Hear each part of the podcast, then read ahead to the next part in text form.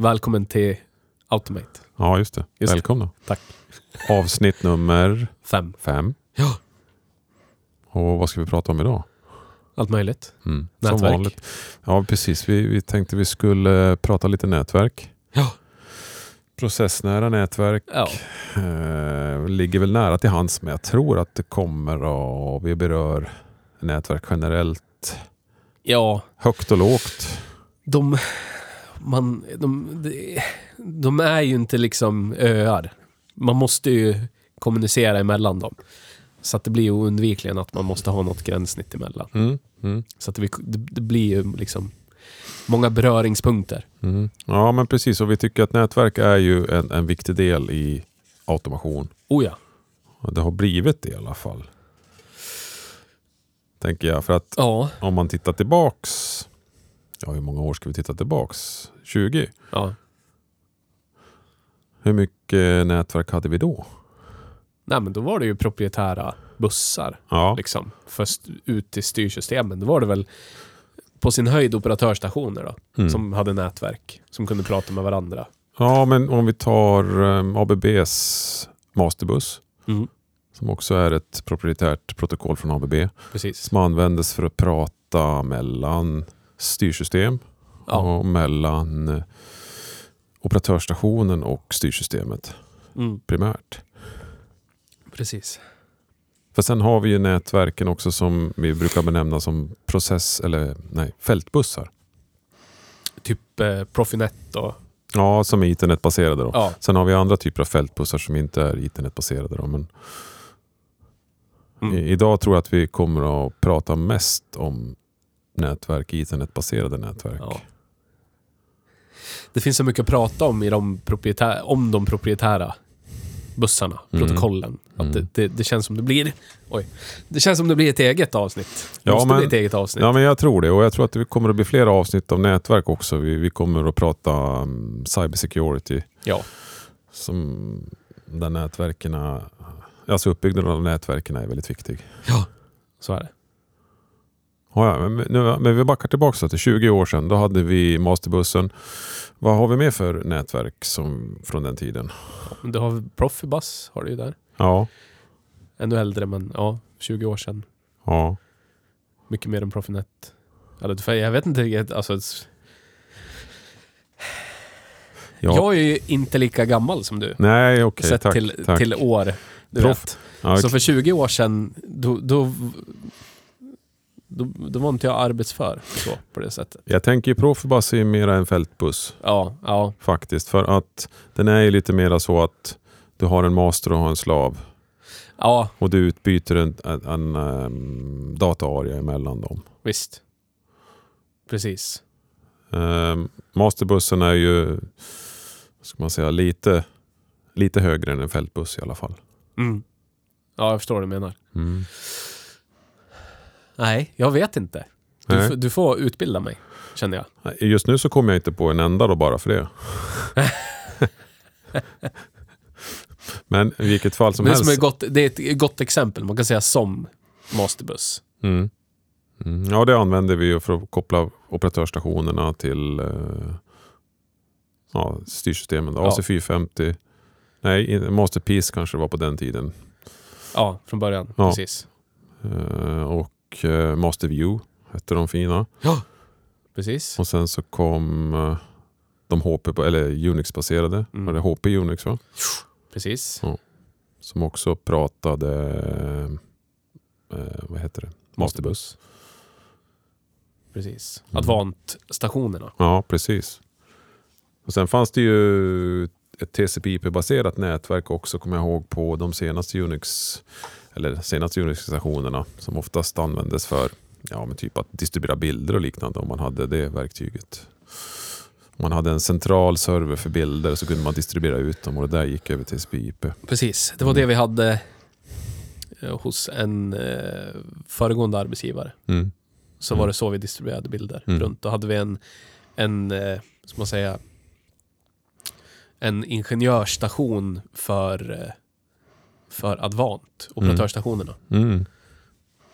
Som distribuerar bilder Mm. runt till, till alla, ja, alla andra operatörsstationer. Mm. Och det var ju stora, alltså stora kontrollrum. Det var... Det var lätt 10-15 operatörsstationer i ett kontrollrum. liksom. Ja, ja, ja. Och sen fanns det distribuerade kontrollrum också som skulle få de här bilderna. Men Mm. ja, precis. ja. Men nätverk då, då vad, varför har vi dem för i processnära nätverken? Eller i i våra processnära system? Ja, men allt eftersom världen har standardiserats, IT-världen. För det är det det är. Det, det är ju där vi pratar nätverk. Vi pratar om operatörsstationer. Vi pratar om någon slags... Vi har gått från Masterview-burkarna, proprietära terminaler Mm. för att se processen till Mm. standardiserade, nu för tiden vanliga desktop-PCs som kör ett desktop-operativsystem, Mm. Windows. Ja, vanligt Microsofts... Precis. Så vad är det för vits att fortsätta utveckla sitt proprietära egna nätverk när vi har en stor öppen standard som eh, finns implementerat i allt? Liksom. Mm. Mm. Det, det är en kostnadsfråga. Det måste det ju vara. För det är inte så... Alltså det en, ja, det en, man kan ju peka på vad som helst men ut, ultimat blir det en kostnadsfråga. Ja. Varför, varför ska du sitta och utveckla eh, Masterbus när det finns Ethernet som är snabbare? Och du behöver inte stå för utrustningen, du behöver inte stå för utvecklingskostnaderna. Nej, det bara är där Ja, och implementerar det. ja. Masterbus är ju 10, 10 megabit halvduplex. Japp. Så att eh, det går inte jättefort. Men det, det, det behövdes inte fortare heller. Nej. Men samtidigt, det är ju väldigt smidigt att kunna använda eh, hyllvaror. Alltså nätverkskort från ja, vilken tillverkare som helst. Istället för att börja utveckla någonting eget. Så är det ju. Eh, Så att ja, utvecklingen det, det håller jag med om. Ja, 10 megabit half duplex. jajamän. Där körde ju allt det. Alltså vi hade ju varit tvungna för att alla operatörsstationer skulle prata med allting backend också. Mm. Så var det liksom integrationer från vibrationsmätningsutrustning och allt möjligt liksom. Mm. Som skulle kördes via en X11-klient i operatörsstationerna så kunde du se massor med saker. Ja, med X-Win då alltså? Ja, precis. Okej. Ja. Så att där körde ju, det var, det var ju liksom hela, hela, ska man säga, produktionsnära IT. Hela det nätet, allt på hela nätet körde 10 megabit half duplex. Jaha. Ja, ja. ja. Ja.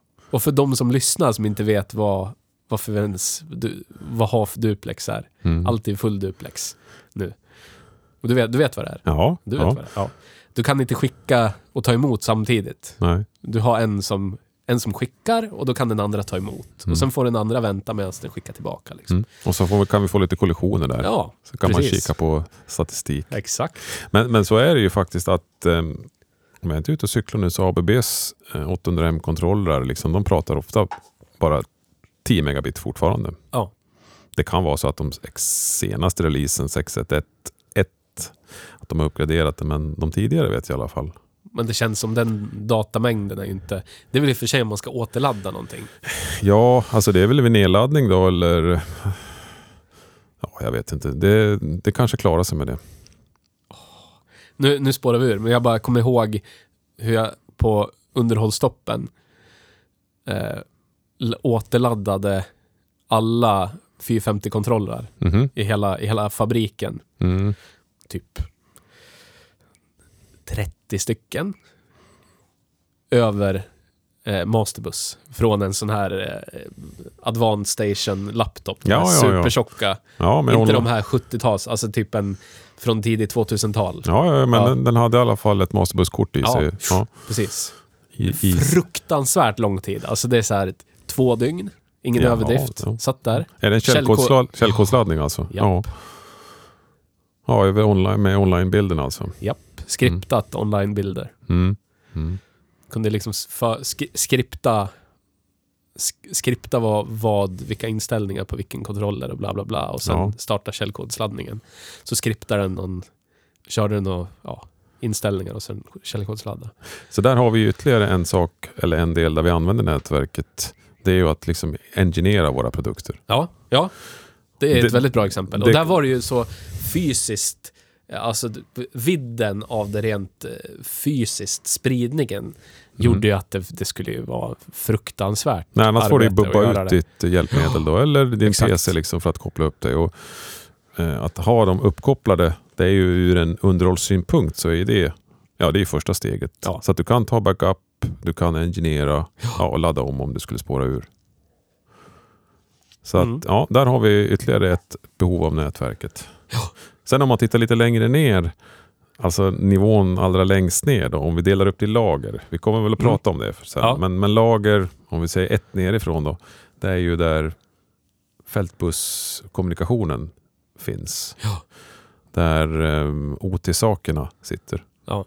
Med OT tänker jag PLC, Ja. ehm, frekvensomriktare, alltså Mm. allt som ska göra någonting. Operational technology. Ja. De ska ju prata med varandra.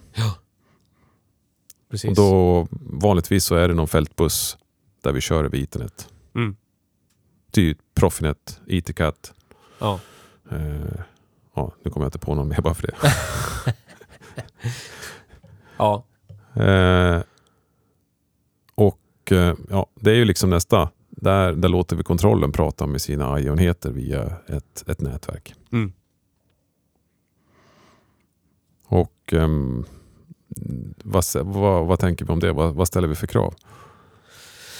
Vad vi ställer för krav? Ja, Ja, alltså i praktiken nu så är det väl väldigt kravlöst av erfarenhet. Sådär. Men du vet, man kan ju prata om olika filosofier och, och ja kravlöst menar du med att man bara sätter dit någonting och så Ja. kopplar ihop det. En omanagerad switch och så bara får det att funka eller? jag tror att det är många, tyvärr många tillverkande industrier gör så Mm. fortfarande. Mm. Du har, något, du har någon länk uppåt till nästa nivå. Mm. Mm. Alltså, ja, alltså lager två då. Ja, precis. Upp till lager två, Ja. till lager ett. Och, och så låter du lager ett vara bara gigantiskt. Ja, man sätter alla på samma snöre helt Ja. enkelt. Precis. Tyvärr tror jag att det är så. Men Ja, det det, det, blir en ideologisk Men det är ju ganska fråga. smidigt för att allting pratar med allt och då kommer jag ju åt allting. Ja, men så är det ju. Jag kan ju låta den PLCn prata med den andra PLCn. Exakt. Det är ju jättebra. Ja. Så länge du inte är, eh, du vet, e- elak i sinnet och vill ont på något sätt. Ja, du tänker att det finns sådana också ja. Ja, Och då, om du är det, då är det ju, då är det ju bra för dig. ja absolut. Då har Det- du ju ett ställe du kan komma åt allt ifrån. Jo, så är det ju. Och sen så kan det vara också så att om man får en störning på nätet så har ju det en tendens att sprida sig ganska snabbt. Ja, precis. Tänk dig att någon kopplar ut någonting eller man patchar om någonting och så råkar man patcha det fel och så får man ett loop på nätet. Mm, mm. Så att trafiken ökar jättemycket och att det blir svårt att prata. Ja, precis. Och så har du bara ett, hela level 1-nätet är bara ett gigantiskt nät och helt plötsligt slutar ett helt processavsnitt att fungera. Ja, Till synes från ingenstans. Ja. Äsch då. Äsch då.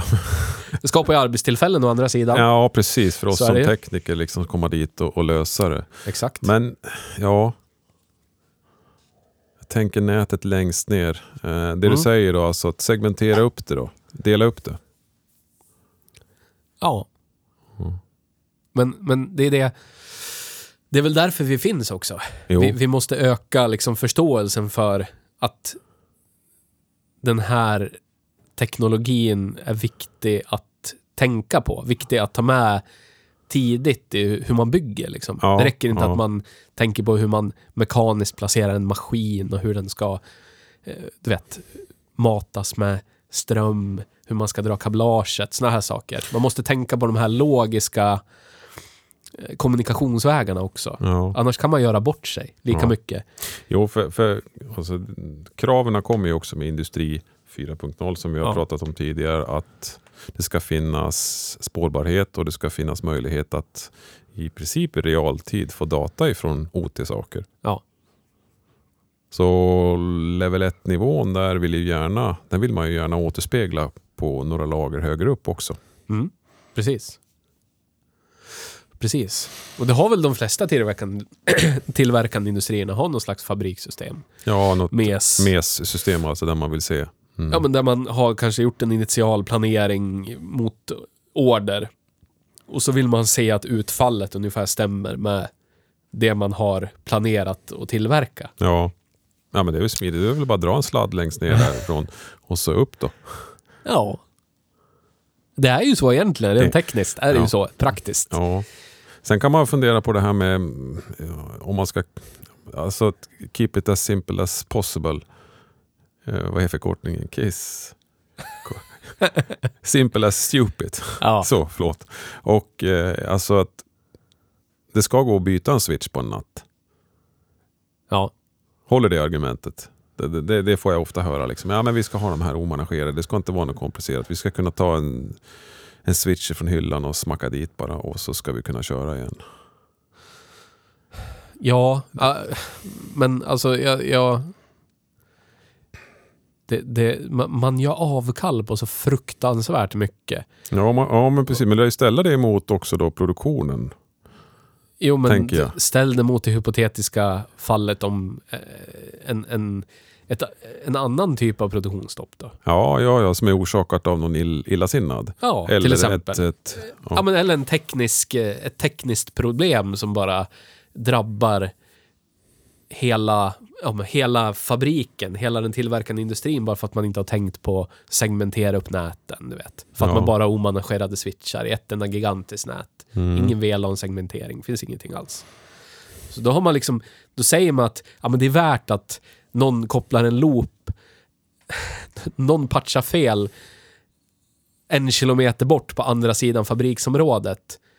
Och så Ja, så sänker vi stoppar vi andra hela- sidan. jo, liksom. ja. Vi tycker att det är värt den risken för att när switchen går sönder Ja, en gång var sjunde år Ja. så kan vi bara byta den över en natt. Liksom. Ja. Vad är sannolikheten att någon patchar fel och det blir en loop kontra att switchen dör? Liksom. Ett annat argument kan ju vara att ja, men det här vill vi ha koll på själva. Vi vill inte blanda in IT-avdelningen. Men det, det, man kan inte... Det, man kan inte göra så. Alltså det, det är ju... Man måste... Ska man hålla på med, med... Ska man göra någonting bra, då behöver man liksom blanda in expertkompetens. Annars blir det inte bra. Du vet, om, om, du, om du är... Du, har, du är till yrket snickare och du är specificerad, du vet, din spetskompetens är att bygga trähus. Mm. Så ställer du trähus byggt av den personen, det företaget mot att jag, som typ inte kan bygga ihop en trall utan att det blir snett, ska bygga ett hus med mina ja, händer. ja, ja, Förstår ja, du? jag förstår. Ja, det jag- blir ju inte lika bra. Nej, men det är ett vanligt argument. Ehm, eller alternativet att man tittar från andra hållet då, från IT-sidan. Nej, det där är inte riktigt våran grej. Alltså, vi håller mera på med, med eh, IT helt enkelt. Automation är inte våran grej.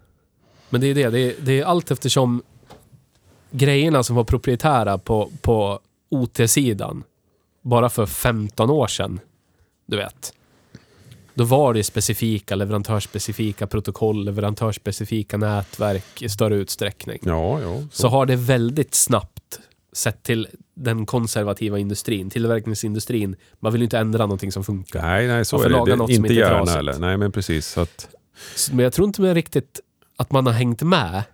Så när man pratar om begreppen så tänker man att det är som för 20 år sedan. ja, Liksom. ja. Många. ja, det är ett argument i alla fall som man får höra ganska ofta. Mm. Ja. Eh, Så är- det här måste vi prata mer om. För att just det här kompetensglappet, Ja, eller var någonstans ska de här två mötas? precis. Så det, det, det kommer vi åt. Men åter till nätverket. Vi pratade l- lager 1 där. Hur, det finns lite olika strukturer man brukar kunna nyttja längst ner. Typ Ja. eh, stjärnnät eller ringnät. Mm. Du Vad- tänker rent... Nu tänker du hur man redundant kopplar kablaget rent Ja men fysiskt. precis, vi ska ju liksom. ha en viss redundans där nere också. Eller Mm. om man ska ställa krav på redundans. Ja. Det är lite olika. Mm. För vanligtvis så längst ner så vill vi gärna ha snabb redundans. Alltså vi vill Mm. gärna ha en snabb överkoppling från eh, icke, alltså den vägen som är fel till den eh, säkra vägen. Ja. Så att om vi tar ett protokoll som Spanning Tree Ja. som används inom IT eller som, ja, som är ett, ett välkänt protokoll som är implementerat liksom för att hitta bästa vägen. Det tar ju en stund för att konvergera till en ny väg. Så är det Även Rapid Spanning Tree är ju ganska långsamt. Ja. För här vill man ju verkligen att det växlar över ifrån den felaktiga till den, ja, till den korrekta då på, ja, jag, så fort som möjligt. Under en sekund i alla fall. Mm. För att man ska inte märka någonting eh, i processen. Men hur kan man... eh, Hur löser man den, den problembilden? Att man å ena sidan vill ha dumma okonfigurerade switchar Ja, och å andra sidan vill ha någonting som är redundant och kan switcha beroende på vad som faller ifrån till rätt ja, väg. Ja. Det är En- två saker som inte riktigt går ihop sådär. Nej, en ringkonfiguration kanske inte är jättekomplicerad men trots allt så är det ju en konfiguration att, Ja. att man, man konfigurerar ringen och var någonstans den sitter switchen. Mm. Ehm, så att ja, det, det där är lite lurigt. Men sen brukar man ju kunna ha, alltså ring mellan, vad ska man säga? Jag vet inte, ska vi använda begreppen core, dist och access liksom som är de här tre lagren som används vanligt för att bygga upp nät? ja. Varför inte? Behöver man ha, alltså behöver man krångla till det på så vis? Nu, nu använder du- jag, Kan du förklara begreppen för de som inte riktigt kanske är... ja jag väl försöka, men core så att säga, det är ju liksom, ja, vi får nog hjälpas åt. Ska vi börja med access? Mm. Det är ju liksom närmast eh, klienterna. Ja. Där kopplar vi våra PCn och vad det nu är för någonting. Ja. Och sen så har vi dist bakom som distribuerar ut till access-switcharna. Mm. Ja, väldigt enkelt. Och sen så har vi core som ligger som en, i bakgrunden och distribuerar till dist-switcharna. Då. Precis. Man kan ju tänka på det som en pyramid nästan. Ja. Nu är jag lite för dåligt påläst för att berätta var routingen ligger och vad som ligger i vilket lager. Men eh, principen förstår ni tror jag. Precis. Mm. Jag tror... f- His, historiskt så har man ju liksom routat i core-switchen. Mm. Men nu för tiden så... Nu, nu, jag, nu måste jag bara så här. Jag är ingen nätverkstekniker. Nej. Jag har bara jobbat... Jag har jobbat med många Ja, olika alltså, saker på många olika sätt. Men, Lite koll, vi sitter ju inte och killgissar fullständigt nej, i alla fall. så är det. Mm. Så är det. Absolut. Men du brukar ju ha liksom en... vad ska man säga? En distribuerad routing från core-switchen ner till de här distributionsswitcharna då. Ja, Disk-switcharna. Mm. Så att de är, de är redundanta. Så att du ska inte kunna tappa all redundans. Om du tappar all redundans i core-switcharna så är det inte rökt liksom, Nej, kommunikationsmässigt. Nej, och sen kan du bygga upp eh, redundansen mellan switcharna, antingen med, med ether channels Ja, som har flera par eller om du har bara dra flera sladdar och sen så använder vi spanning tree för att blockera de portarna då som inte behövs. Ja. Så det är väldigt vanligt. Men det är, det är inte någonting som förekommer så ofta. Jag har inte sett det så jättemycket på processnära nätverken. Där oftast är det väldigt platt. Ett helt platt nät eh, med allting på samma snöre. ja. Jag vet, jag, jag vet vissa i alla fall segmenterare. Jag tror det är för att det är IT. Det, det, det är liksom... Det är ingen som riktigt kan produktion som segmenterar det här. Nej. Utan det är någon på IT som sitter och klurar på hur skulle jag segmentera det här om jag hypotetiskt visste vad jag höll på med här. Ja, ja, ja. Du vet, och då brukar det bli att man så här, vad jag har sett, då segmenterar man alla PLCer är i ett nät. ja okej. Och så all, alla liksom ja, datorbaserade, typ HMI, mm, lägger mm. vi på ett nät. Ja, Men så här är de routade. Du vet. jo, jo men, ja, men precis. Det måste ju vara smartare då kan jag tycka då, att segmentera så att du har eh, PLCn, om, om vi nu har en PLC eller ett DCS-system och så sen så kanske har några HMI och några frekvensomriktare eller vad det nu är för någonting. Så att det finns inom samma VLAN Ja, så att den kan klara sig själv om vi skulle få en störning eh, uppåt eller neråt. precis. Nej, uppåt blir det. Du vill ju funktionssegmentera det. Ja, men precis. Det låter ju smartare tycker jag. Inte liksom, eh, ska man säga, tekniksegmentera det. Ja.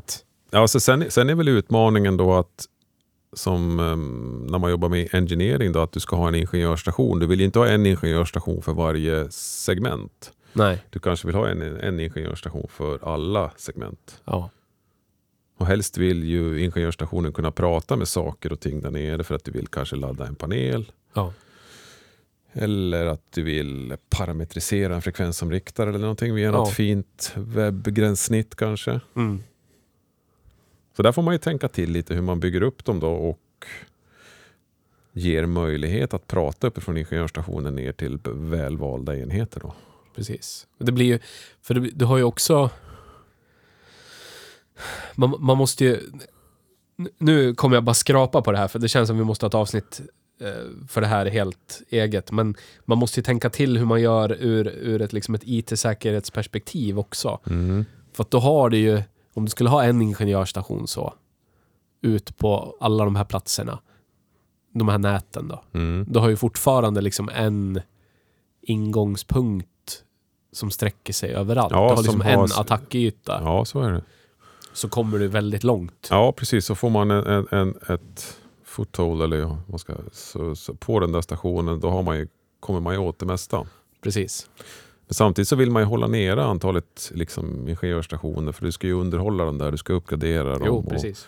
Men Det, det måste man... Det tror jag man måste börja jobba mer med liksom bra brandväggsregler. Man kan inte bara öppna upp. Den här IPn får prata helt mot det här nätet. De här Mm. näten. mm, Utan du får prata med du får prata med det, den specifika IP-adressen och då är det bara Mm. de här protokollen. Liksom. ja, men då, du, det är ju smidigare att, ge man, att tilldela en hel nick till att man har ett ben i varje nät. Så är det ju. Ja, Så är det ju. Då är det ju fulla blås.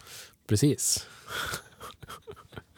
Försöker jag vara lite ironisk. Det, det kanske inte är den bästa lösningen. Det, det, det funkar ju men ur ett IT-säkerhetsperspektiv så är det nog inte helt optimalt. kan Jag tycker inte att man ska begränsa användarvänligheten. Det, det, det är en sak, när man börjar prata om såna här frågor, Mm. det direkt är det någon som, ah, kan vi inte jobba? Går inte att jobba? Nej, Kommer inte nej. gå. Helt omöjligt. Ja, men så, så, så kan det vara faktiskt också. För att det kan vara så att det finns vissa, eller vissa system som bygger på att du har layer 2-access. Ja, Alltså att du inte har en IP-adress utan att du har en L2 och du använder protokoll för att exempel browsa fram en Profinet-slav som inte är konfigurerad än. nej, Och då, är, då går det tyvärr inte genom en brandvägg. nej. Ja, det är om du ska tunnla på något vis då. Ja. Det går ju att lösa tekniskt. Ja. Risken är att det blir trassligt. Ja, visst, visst. Alternativet är att man har en, en eh, nick i varje nät. Men sen såklart, sen beror det ju på... Det har vi ju berört i, i, första avsnittet också. Det beror på vad man har för skalskydd. Om man har ett jävligt bra fysiskt skydd så kan man ju liksom klara sig med ganska öppna spjäll nätverksmässigt. Skalskydd, alltså du tänker på hur man får access till sakerna. Ja, med fysisk access, du som person. Ja, Om du ändå har liksom grindar och du måste gå förbi vakten och sen ska du ha kort och kod in i huset och sen ska du ha, är det kameraövervakat upp i trapphuset och så är det kort och kod in och där står ingenjörsstationen. Du, vet. mm. du har ju några nivåer du måste ta dig igenom fysiskt för att nå fram till den här. ja jo, så är det. Men oftast så har man ju en, en ehm, möjlighet att remota in på den där stationen Ja. liksom för att jobba. Ja, Ja, det, det, det finns några, några saker att tänka på. Så är det. definitivt. Men nätverk är ju en bra grej, så är det ju bara. så är det. Eh, Och utan dem så skulle automation och, och inte vara mycket alls. Precis. Men jag tror det... Svårigheten blir hur bryggar man de här två segmenten på något sätt, kompetensmässigt. Jag tänkte automation och, eh, Och IT. Ja. Hur når de varandra? För att de behöver ju varandra. ja, uppenbarligen. Det är ju så. Ja, det, det, utan att tveka. Som det ser ut idag så står man kanske lite väl långt ifrån varandra. Ja, Så man måste närma sig dem, varandra. Sen om det är en, en avdelning eller om det är ett, ett bra samarbete mellan avdelningarna. Det, det kanske är en kombination. ja. Det är nog väldigt... Det beror på mycket hur organisationen ser ut på just det. Ja, Den platsen också. ja, Vad som skulle funka bäst. Ja. Men ja, oavsett. eh, Nätverk är det överallt. ja. Det är viktigt att vi har koll på det. ja, men så är det. Och vi har ju inte berört... Eh, vi, vi tänker nog oss mest eh, trådbaserat nu. Sen så Ja. har vi ju alltså nästa aspekt, alltså vi har ju alltså trådlöst. En wifi eller vad som liksom. Att, Mm. att kommunicera utan kablar. Så att där börjar det väl komma lite saker ändå som man kan köra över wifi och och eh, trådlöst. Men inte riktigt så jättemycket än, vad jag vet i alla fall. Jag, jag vet, eh, ska man säga, ett tillverkningssegment som har varit väldigt wifi-tungt. Ja, Eh, börjar man mer och mer gå över till, till 4G och 5G mm. och eh, VPN-a in. Mm. Bara rent IT-säkerhetsmässigt. ja. För annars måste du ha accesspunkter för att täcka en så stor yta. Och du har svårt att ha dem riktade, för då tappar du mottagningen kanske. Du får liksom radioskuggor. ja. Och då har du väldigt lätt, alltså du, du har liksom öppna, öppna vägar in rent attackmässigt. Någon kan sitta och huka, huka sig utanför liksom grinden Jo, med en laptop. ja, jo. Ja. Jag vet inte, har du, känner du till HART? Ja. HART-protokollet. Ja. Det finns ju numera wireless HART, alltså wifi-baserat. Att kunna liksom samla in data ifrån givare trådlöst. Mhm. Men sen kan jag tänka mig alltså att vissa applikationer, det kräver ju ganska bra tillgänglighet på nätverket. Om man nu säger att det är en Profinet-kommunikation eller om du har en Profinet Master så vill ju den ha svar ifrån sina slavar inom en viss tid. Ja. Har du en safety-lösning exempelvis i samma eh, inbakning så, så finns det ju väldigt uppstyrt vilken max cykeltid man kan ha. Ja. Så att, jag vet inte om det är sådana saker som begränsar idag. Eller varför, för att annars, liksom, varför skulle inte vi kunna ersätta sladdarna med eh, trådlösa saker? Mm. Mm. Jag tror det blir, det, det blir ju liksom... Jag tror det är IT-säkerhetsaspekten. Ja, den största okej. i mitt huvud. Ja. Hur, då? Ja men det, oavsett, du kan liksom inte säkra upp någonting 100%. Ja, om, men- du har, om du har någonting fritt i luften liksom, ja, på ja. det sättet. Det är ju lätt att sniffa ett SSID. Visst att näten är väl krypterade, men det är Ja. bara att titta historiskt. Alla, vi har liksom skjutit krypterings eh, algoritmerna framför oss på något sätt. Mhm. Allt eftersom de, de gamla har blivit eh, hackade eller du vet. Ja, ja, ja. Så det är, oavsett vad vi är idag så är det ju bara en tidsfråga innan datorerna är tillräckligt kraftfulla för att man ska kunna knäcka en krypteringsnyckel. Och så vet vi att industrier oftast är väldigt eh, konservativa. ja. Så om man investerar i en wifi-lösning, då sitter den nog där i 15-20 år. du Så kan det vara. Så att, Men samtidigt där, då ska man ju ta hjälp av, eh, alltså, av, av IT då, som är duktiga på att bygga sådana där nät. Eller bygga wifi-nät och samtidigt att eh, vad heter det? uppgradera och, och hänga med. mm, För där är ju automation är ju urkass liksom på att hänga med och uppgradera och uppdatera saker och ting. Utan man kör ju gärna tills att det, ja, det går inte att köra längre helt enkelt. Det finns inga reservdelar, det finns ingenting. Då, då, då byter vi. Medan IT har, tycker jag, med en strukturerad plan att tre eller fem år, sen ska det bytas. precis, precis. Men det, det är för att man du köper ju en maskinstyrning. Du köper en funktion för att producera på Jo, automationssidan. jo. På IT så vet vi att den här... Vad ska man säga? Egentligen gör man ju samma sak, men man är mer medveten om att li- livscykeln är där. Ja, men, men, men, samtidigt, jag tror att man är dålig på att handla upp saker och ting på automation ibland. Alltså att man är dålig på att ställa krav. Alltså det här, det här är ju ibland köper man ju rena IT-lösningar kan man ju tycka. Alltså Ja. med servrar, eh, med, med många servrar och med mycket funktionalitet. Då måste man ju också samtidigt ställa ett krav på att om fem år, då, är det här, då byter vi ut de här utrustningen och sen uppgraderar vi och tittar vi på nästa eh, release ifrån leverantören också. Men jag, jag har alltid fått uppfattningen om att man liksom... Du köper... Du köper en maskin primärt. Ja, Och sen det andra, det, det är i, i liksom ett, ett projekt så är det bara, du vet, det är ju fragment av den där offerten. jo, Du vet. Så det, det lägger man ingen tid på överhuvudtaget. nej. Så då köper du den där maskinen och vi vet när vi köpte en sån här maskin för 30 år sedan, då höll den i 30 år för då Ja. var det relästyrning och bla bla bla. Mm. Så nu köper vi en maskin och den ska gå i 30 år. Du vet. Så att här kommer ju ytterligare en aspekt in, ett krav på en automationsingenjör eller tekniker. Det är ju att kunna Precis. vara med och ställa krav och förstå alltså livscykeln för en maskin. Hur ska vi ta den här genom livscykeln? På Ja. ett, alltså funktionellt, den kommer att funka. Men vi måste också titta då på ett, ett säkerhetsperspektiv att ja, men alltså för att vi ska hänga med där, ja men då måste vi uppgradera och uppdatera för att någonting, det har fått en, en, en, en, en någon, någon, någon typ av säkerhetsbrist i operativet eller liknande. Så att, Ja. Man måste livscykelhantera på komponentnivå. ja, Man kan inte se det som en ett nyckelfärdigt kit. Och det, är- allt det här har ungefär samma livslängd liksom, totalt. Man måste se det som individer. Och det är ju en vanligt förekommande argument man får. Ja, men jag skulle vilja uppgradera den här, uppdatera den där. Liksom, ja, det, och, jaha, kommer det funka något bättre? Liksom? Eller ja, den kommer att producera samma antal i timmen, liksom, men Ja. vi får ett nyare, modernare eh, eh, system. Ja.